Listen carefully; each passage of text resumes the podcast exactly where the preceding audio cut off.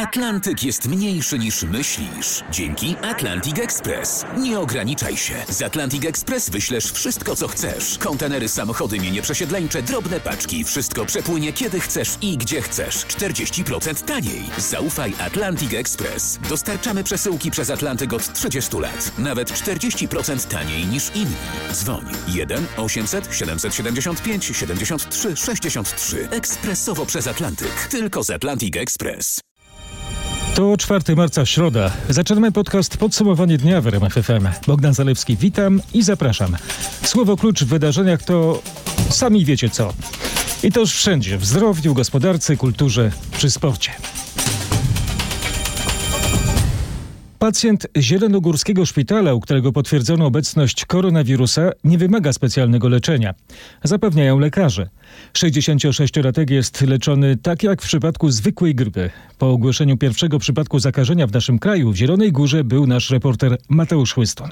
Jedyny jak dotąd pacjent w Polsce, u którego potwierdzono koronawirusa, wrócił niedawno z Niemiec. Jego stan lekarze określają jako dobry. Ten pacjent dostaje leki przeciwgorączkowe, jak gorączkował, a obecnie nie gorączkuje. Tłumaczył szef oddziału zakaźnego w Zielonogórskim Szpitalu dr Jacek Smykał, który jest przekonany, że to nie jedyny przypadek, z którym będą musieli się zmierzyć lekarze. To jest nieuniknione no, przy takiej dużej zaraźliwości e, tego wirusa. Epidemiolodzy namierzyli już wszystkich pozostałych pasażerów autokaru, którym podróżował pacjent. Zalecono im kwarantannę domową. Tymczasem mieszkańcy Zielonej Góry podchodzą do sprawy bez nadmiernych emocji. Toż to nie wojna, tylko wirus. Przede wszystkim spokój. Jeszcze raz spokój. Przede wszystkim za każdym razem myć ręce. W mieście odwołano wszystkie imprezy masowe zaplanowane na najbliższe dwa tygodnie. Po ogłoszeniu pierwszego przypadku usłyszeliśmy komunikat o zarażonym. Osoba ta zgodnie z wykupionym biletem zakończyła swoją podróż w Słubicach. Autokar zabierał pasażerów z niemieckich miast Bonn, Düsseldorf, Essen, Hamm, Bielefeld na trasie do miast północnej Polski. Poinformowała na swojej stronie firma Sindbad, której autokarem podróżował Polak zarażony koronawirusem. W komunikacie spółka Sindbad zapewniła, że firma dba o bezpieczeństwo pasażerów i personelu. Stale monitoruje sytuację zakażeń koronawirusem COVID-19 i stosuje się do wszystkich zaleceń wydawanych przez głównego inspektora sanitarnego. 65 osób jest badanych w polskich szpitalach, 349 poddano kwarantannie w domach, a ponad 4,5 tysiąca objęto nadzorem w związku z podejrzeniem koronawirusa. Takie dane w środę przekazał resort zdrowia. Potrzebny jest zakaz organizacji imprez masowych, przekonuje w RMFFM prezes Naczelnej Rady Lekarskiej. Profesor Andrzej Matyja jednocześnie namawia do zachowania spokoju w związku z pojawieniem się w Polsce koronawirusa. Rozmawiał z nim nasz dziennikarz Marcin Zaborski. Wiele szpitalnych oddziałów wprowadziło zakaz odwiedzin pacjentów. Tak, jeszcze zanim pierwszy przypadek tego wirusa został u nas potwierdzony. I ten zakaz to był właściwy krok, przekonywał profesor Matyja. To jest pewna forma prewencji, profilaktyki na jakiekolwiek infekcje. Ograniczmy udział w takich spotkaniach, gdzie ktoś mógłby być źródłem zakażenia koronawirusem, albo sami moglibyśmy zarażać, mówił prezes Naczelnej Rady Lekarskiej, która już wcześniej rekomendowała odwoływanie spektakli, koncertów czy wystaw. Myślę, jeżeli będzie taka potrzeba epidemiologiczna, nawet i tak. Nawet i tak. Ale wy to już rekomendujecie. E, Nie, my, my mówimy, że należy to rozważyć. A już teraz jest inny, konkretny problem do rozwiązania. Lekarze rodzinni zgłaszają, że w przychodniach brakuje im rękawic ochronnych. Marcin Zaborski i Andrzej Matyja. Zobaczcie więcej na rmf24.pl. Milion litrów płynu dezynfekującego trafi do polskich szkół. To jedna z pierwszych decyzji Rządowego Zespołu Zarządzania Kryzysowego, który zebrał się wieczorem w Warszawie. Jak wyjaśnił szef kancelarii premiera Michał Dworczyk, rząd złożył odpowiednie zamówienia w spółkach Orlen i w Polfire Tarchomin. Pierwsze 100 tysięcy litrów płynu ma być dostarczonych w ciągu 10 dni. W tej chwili Orlen przezbraja jedną z linii produkcyjnych, która na co dzień produkuje płyn do spryskiwaczy. Teraz te instalacje są czyszczone i zgodnie z deklaracjami spółki około 14 marca możemy się spodziewać pierwszych 100 tysięcy litrów płynu, natomiast nieco wcześniej z Polfy Tarchomin będziemy uzyskiwać dla odbiorców indywidualnych płyny pakowane w mniejsze opakowania. Jak poinformował minister Dworczyk, premier wydał podległym mu resortom zalecenia związane z zagrożeniem epidemią koronawirusa. Z ich wykonania ministrowie zostaną rozliczeni na kolejnym posiedzeniu zespołu w piątek. Chińscy naukowcy odkryli dwie odmiany koronawirusa z Wuhan. Wyniki ich badań pokazują, że w związku z tym walka z wirusem może być trudniejsza niż się wydawało. Informacje na ten temat ma Grzegorz Jasiński. Grzegorz, o jakie odmiany chodzi? Chińczycy na podstawie badań genomu wyróżnili dwie L i S. Ta pierwsza wywołuje silniejszą infekcję i poważniejsze objawy. Do tej pory wywołała około 70% zachorowań. Ta druga jest nieco łagodniejsza i ostatnio pojawia się jakby częściej. Co ciekawe, odmiana L, do tej pory dominująca, wydaje się pochodną S, która prawdopodobnie pojawiła się wcześniej. Co niepokoi, to fakt, że nie można wykluczyć zakażenia obiema odmianami. Fakt ich istnienia może też skomplikować pracę nad szczepionką. A to nie jedyne wykryte różniące się szczepy koronawirusa. Naukowcy znajdują w nich także bardziej subtelne zmiany, które nie wpływają na zdolność infekcji czy przebieg choroby, ale pozwalają prześledzić drogi rozprzestrzeniania się epidemii. Naukowcy z Brazylii we współpracy z badaczami z Uniwersytetu w Oksfordzie zbadali genom koronawirusów obecnych w organizmie dwóch pacjentów, którzy do Brazylii dotarli z Włoch. Okazało się, że oba były różne od oryginalnego koronawirusa z Wuhan.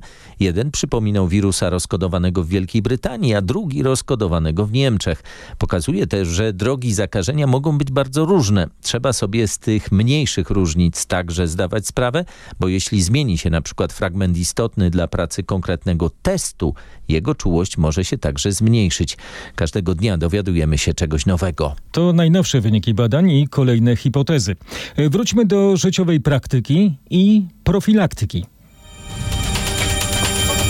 Wiele zależy od nas, czy dojdzie do masowych zachorowań, czy będzie ich niewiele, podkreśla dr Paweł Grzesiowski, ekspert do spraw epidemiologii w rozmowie z naszym dziennikarzem Pawłem Balinowskim. Nic nie pomoże aktywność y, personelu medycznego, jeżeli ludzie zwykli nie będą zachowali się ostrożnie i nie będą przestrzegali tych wytycznych, tych rekomendacji, które są e, publikowane. A więc wszystkie ręce na pokład, nie tylko ręce medyków.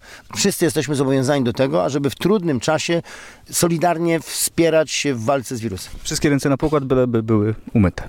Byleby były czyste. A co z niewidzialną ręką rynku? Posłuchajmy niepokojących diagnoz finansowych i gospodarczych. Narodowy Bank Polski na razie nie planuje specjalnych działań antykryzysowych w związku z koronawirusem. Tak na konferencji ogłosił prezes Banku Centralnego. Adam Glapiński zastrzegł jednak, że jest to niewykluczone, gdyby doszło do wyraźnego pogorszenia gospodarczego. Nasz dziennikarz z redakcji ekonomicznej Krzysztof Brenda był na konferencji profesora Glapińskiego. Jakie dostrzega on zagrożenia dla naszej gospodarki?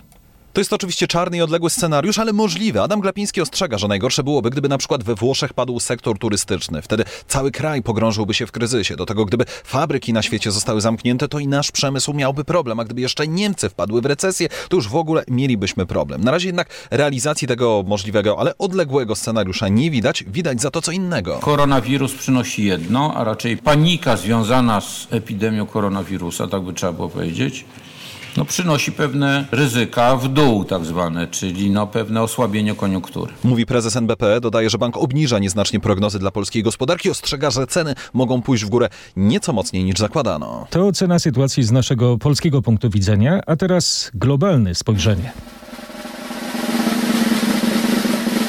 Szybsze rozprzestrzenianie się koronawirusa zniweczy wszelkie nadzieje na silniejszy wzrost w 2020 roku, przyznała szefowa Międzynarodowego Funduszu Walutowego. Kristalina Georgiewa podała, że ucierpiała już jedna trzecia ze 189 krajów członkowskich funduszu. Globalny wzrost w 2020 spadnie poniżej poziomów z zeszłego roku, oświadczyła. Nie chciała powiedzieć, czy narastający kryzys zdrowotny może pchnąć świat w recesję.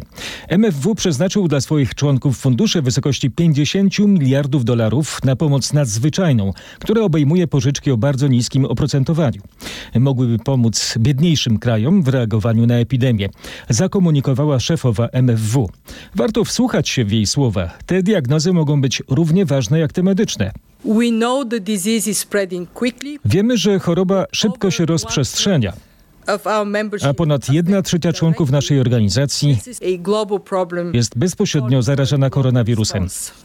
To nie jest już problem regionalny. To jest światowy problem wymagający globalnej reakcji. Wiemy, że epidemia ostatecznie ustąpi, ale nie wiemy, jak szybko to się stanie. Nie mamy jeszcze pojęcia, jak zareaguje wirus, kiedy sposoby leczenia i szczepionka będą już dostępne na dużą skalę. Jesteśmy także przekonani, że mamy sprawny system finansowy, o wiele bardziej odporny niż przed globalnym kryzysem finansowym. Jednak zmagamy się z niepewnością, która określa nasze prognozy.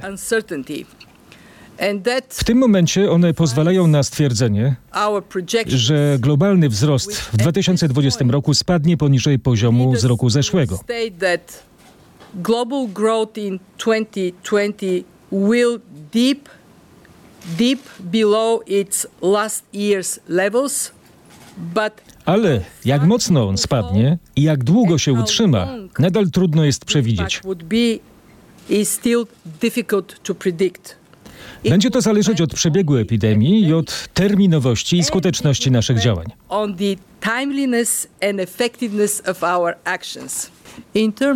Jeśli chodzi o nasze prognozy, niestety w ciągu ostatniego tygodnia nastąpiła zmiana na bardziej niekorzystny scenariusz dla globalnej gospodarki.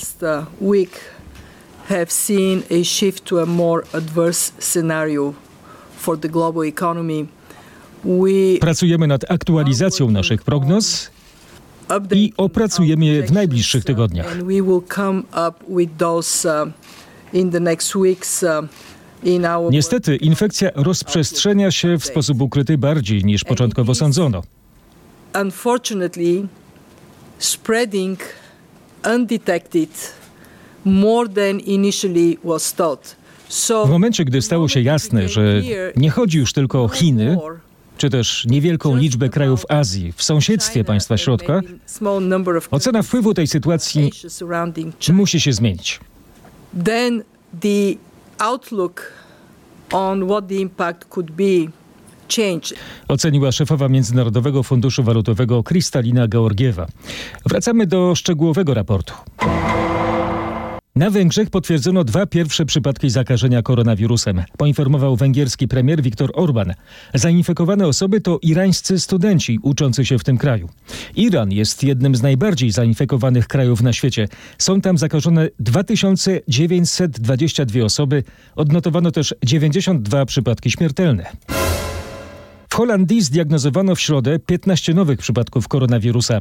W sumie w kraju jak dotąd stwierdzono 38 infekcji. Pomimo rosnącej liczby zakażeń, rząd tego kraju nie podejmuje dodatkowych działań. Według premiera Marka Rutego Holandia znajduje się obecnie w fazie powstrzymywania wirusa.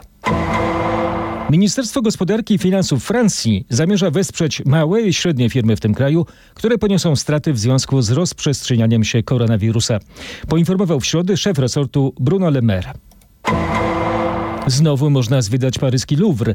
Pracownicy sławnego muzeum przerwali strajk. Jak donosi z Paryża nasz korespondent Marek Gładysz, dyrekcja obiecała im zaostrzenie środków ochrony przeciwko koronawirusowi. Być może już niedługo turyści nie będą mogli płacić za wejściówki do Louvre gotówką. Dozwolone będą tylko karty płatnicze i kredytowe lub uiszczanie należności za pośrednictwem smartfona. Dyrekcja sławnego muzeum obiecała, bo wiem, że rozważy to drastyczne rozwiązanie, bo kasjerki skarżą się, że przez cały dzień muszą dotykać monet i banknotów, którymi płacą turyści z całego świata, co ich zdaniem zwiększa ryzyko zarażenia się nowym koronawirusem. Bilety przy wejściu sprawdzać będą tylko specjalne urządzenia, a pracownicy mają dbać o to, by w poszczególnych salach nie było zbyt dużego tłoku.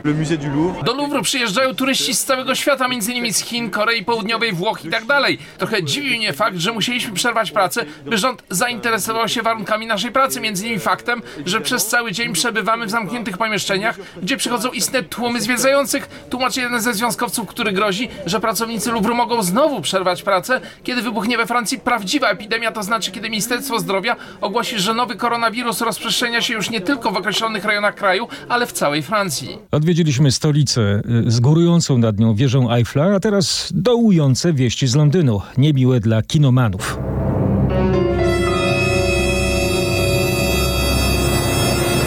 James Bond padł ofiarą koronawirusa. Producenci odroczyli premierę najnowszego filmu o przygodach agenta 007. Nie czas umierać pojawi się na ekranach kin dopiero w listopadzie. Tytuł filmu nabiera nowego znaczenia, ale oddajmy głos naszemu korespondentowi w Londynie, Bogdanowi Frymorganowi. James Bond doskonale radzi sobie ze złoczyńcami, udaremnia międzynarodowe spiski i bez trudu uwodzi piękne kobiety. Ale są siły wyższe.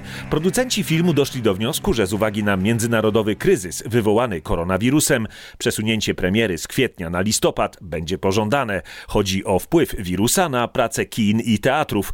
Machina promująca najnowszy film z Jamesem Bondem już od kilku miesięcy pracuje pełną parą. Szkodliwe substancje i tajemnicze wirusy pojawiały się często w filmowych scenariuszach. Teraz życie napisało Bondowi jeden dodatkowy. Teraz Waszyngton za zamkniętymi drzwiami. Może nie całkiem, ale na pewno trudniej wejść do Białego Domu. Stolicy USA jest nasz korespondent Paweł Żuchowski. Pawle, jak to wygląda z Twojej perspektywy? E, Witam Bogdanie, witam e, słuchaczy Twojego podcastu. E, Przede wszystkim podkreślę, że w Stanach Zjednoczonych nie ma paniki i że chyba bardzo rozsądnie do sprawy podchodzi się. Sam koronawirus nie dotyczy na szczęście na razie Waszyngtonu, amerykańskiej stolicy. Często słyszymy o tym, że jakieś problemy są w Waszyngtonie, ale to w stanie Waszyngton na zachodzie kraju, daleko, daleko od amerykańskiej stolicy. Ale tutaj w stolicy Stanów Zjednoczonych rzeczywiście wprowadzono pewne procedury, które mają minimalizować ryzyko zarażenia. I jak wiadomo, to jest stolica, a przyjeżdżają tu ludzie nie tylko z kraju, z całego świata. No i na przykład e, przy wejściu do wielu instytucji e, stoją takie pojemniki e, ze środkami do dezynfekcji rąk. Ale też nie zwołuje się narad pracowników. To, co można załatwia się przy pomocy maili. Jeżeli jakąś sprawę należy przedyskutować, to organizuje się wideokonferencję.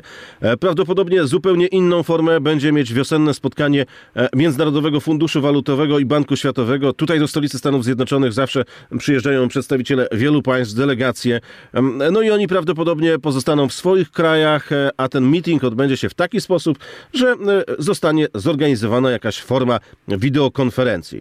Pracowników natomiast, którzy przyjechali do USA z terenu, gdzie wirus szybko się rozprzestrzenia, prosi się, aby pozostali w domach, pracowali. E, Dzisiaj mamy takie możliwości, że można e, wiele zadań wykonać z domu, e, przynajmniej ten tydzień, dwa, aby każdy sprawdził, czy nie ma jakichś podejrzanych e, objawów, które no mogłyby świadczyć, że e, przywiózł e, wirusa ze sobą. Pawle, ty miałeś własne doświadczenia już nie z twojego domu, a z Białego Domu, takie dziennikarskie, wynikające z epidemii koronawirusa. Tak, na przykład e, przy wejściu do Białego Domu jestem teraz pytany o to, czy w ciągu 30 dni, ostatnich 30 dni m, opuszczałem Stany Zjednoczone. E, Jeżeli tak, jeżeli odpowiedziałbym tak, no to natychmiast e, musiałbym powiedzieć gdzie, jaki był cel podróży, z kim się spotykałem, czy byłem na przykład e, służbowo e, e, w Chinach i relacjonowałem wydarzenia związane z epidemią i mogłem na przykład być w miejscach, gdzie tych przypadków zachorowań było bardzo, bardzo dużo i z całą pewnością, gdybym pewnie powiedział, że tak, że byłem, to nie mógłbym wyjść na teren Białego Domu.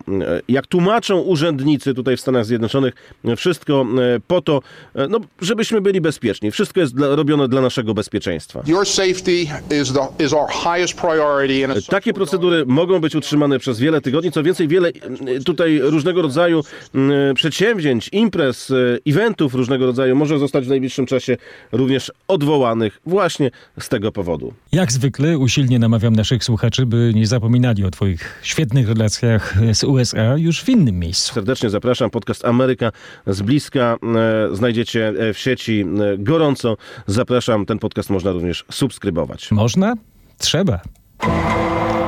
We Włoszech zmarło już 107 osób zarażonych koronawirusem. W całym kraju liczba zakażonych wzrosła do 3089. Od czwartku przynajmniej do połowy miesiąca zamknięte będą włoskie szkoły i wyższe uczelnie. Około 14,5 tysiąca osób na Białorusi zostało poddanych obserwacji w związku z ryzykiem rozprzestrzeniania się koronawirusa. Poinformowało Ministerstwo Zdrowia w Mińsku.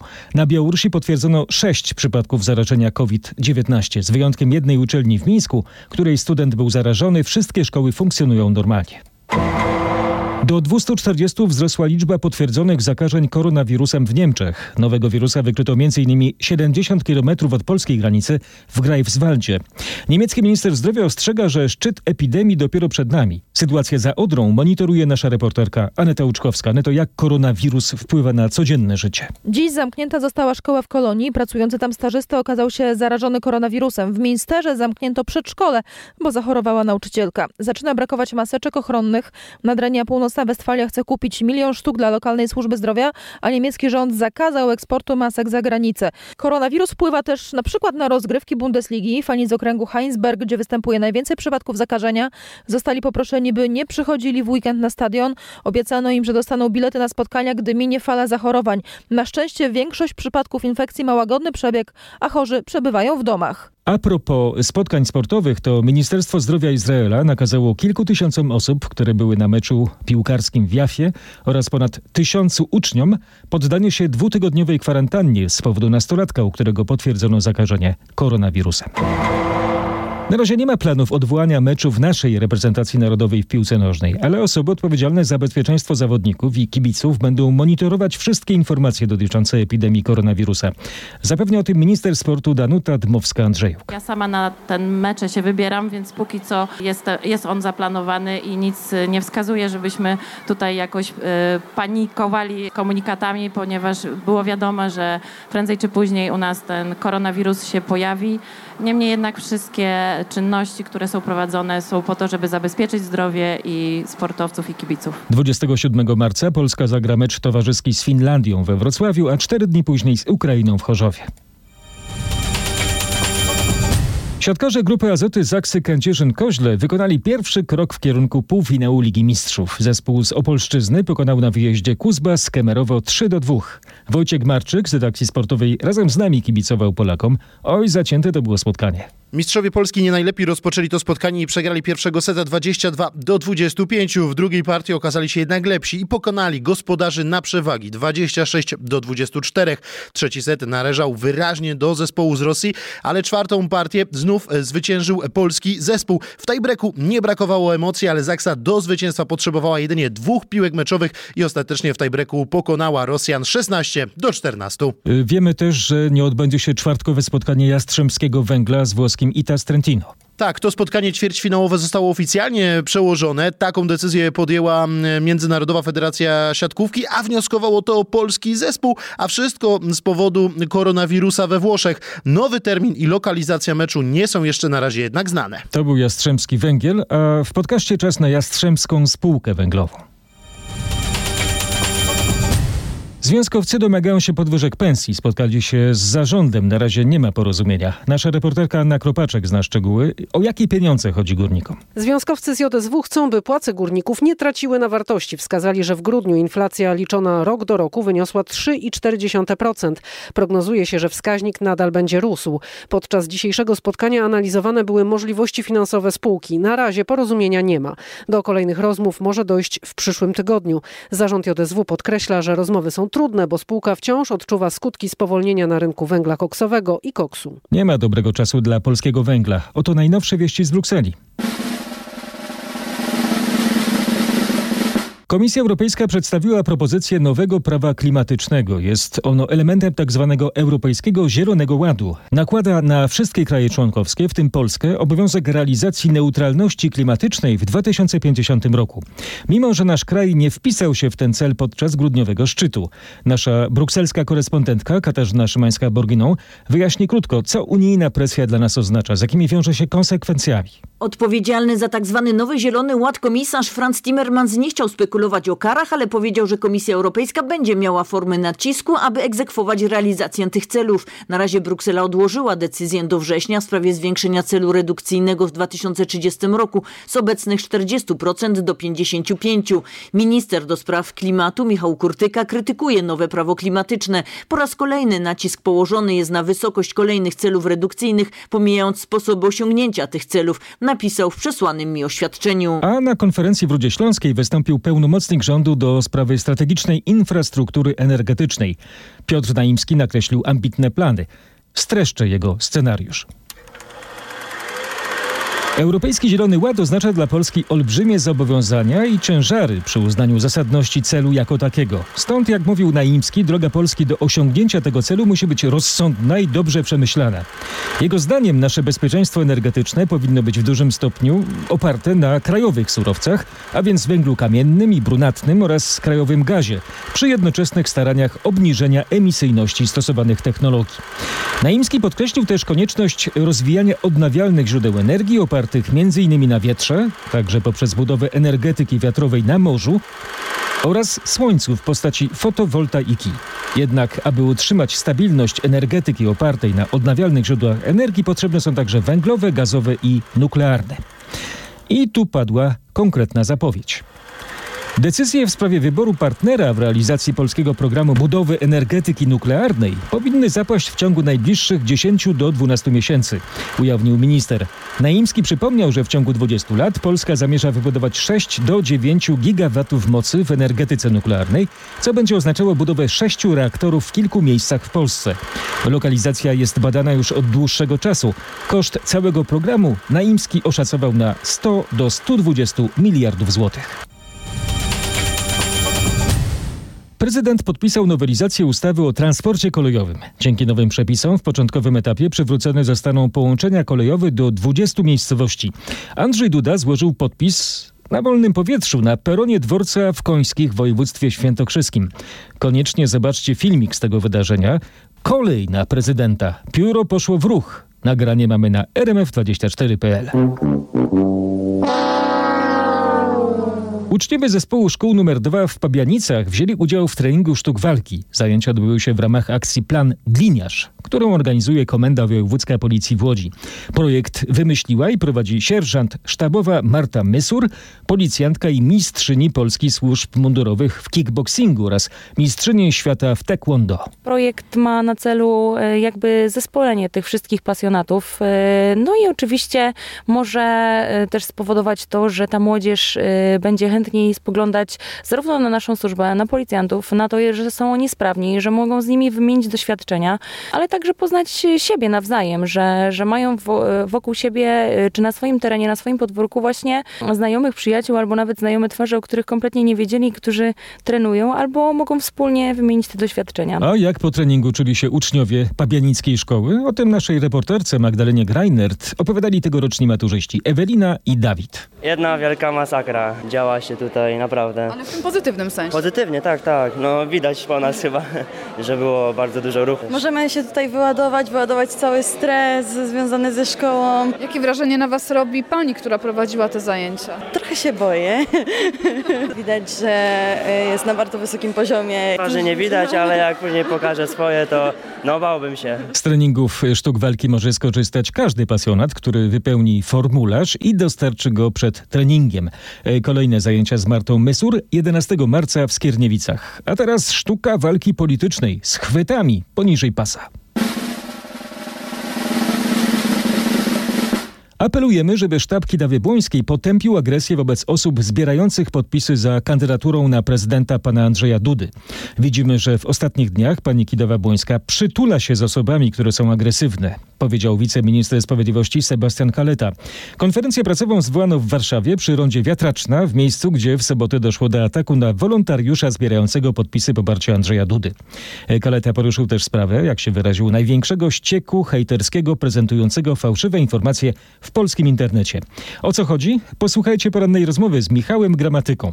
Wywiad z posłem Platformy Obywatelskiej i szefem sztabu organizacyjnego Małgorzaty Kidawy-Błońskiej przeprowadził nasz dziennikarz Robert Mazurek. hejt, nienawiść, złe słowa weszły w nasze życie, stały się codziennością. Tak mówiła Małgorzata Kidawa-Błońska.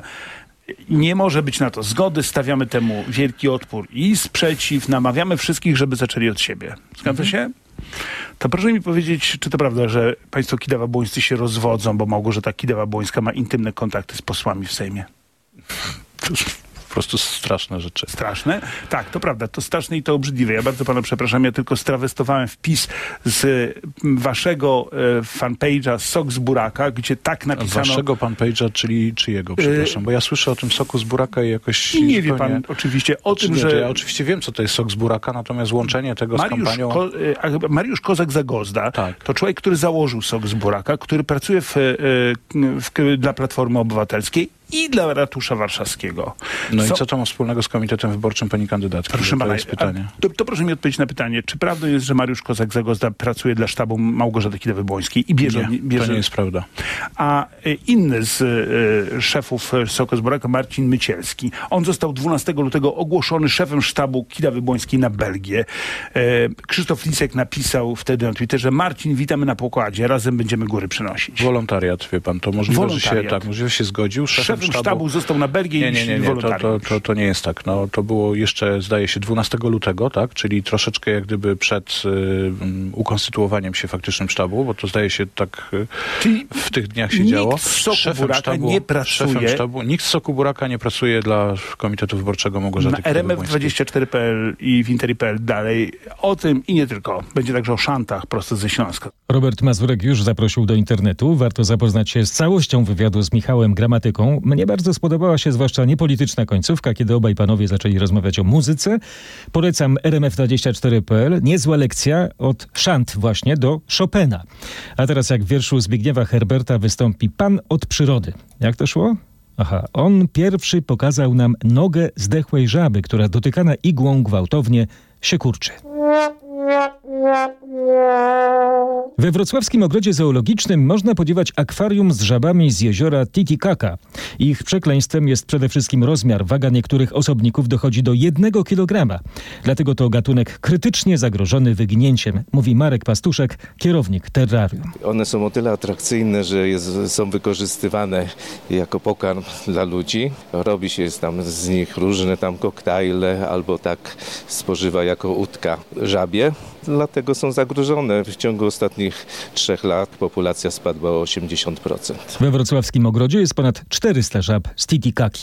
W baśniach takiego płaza w usta się całowało, a nie wkładało do ust. Ja też zamiast o konsumencie wyłowionych żab wolałbym mówić o księciu wyłonionym z żaby.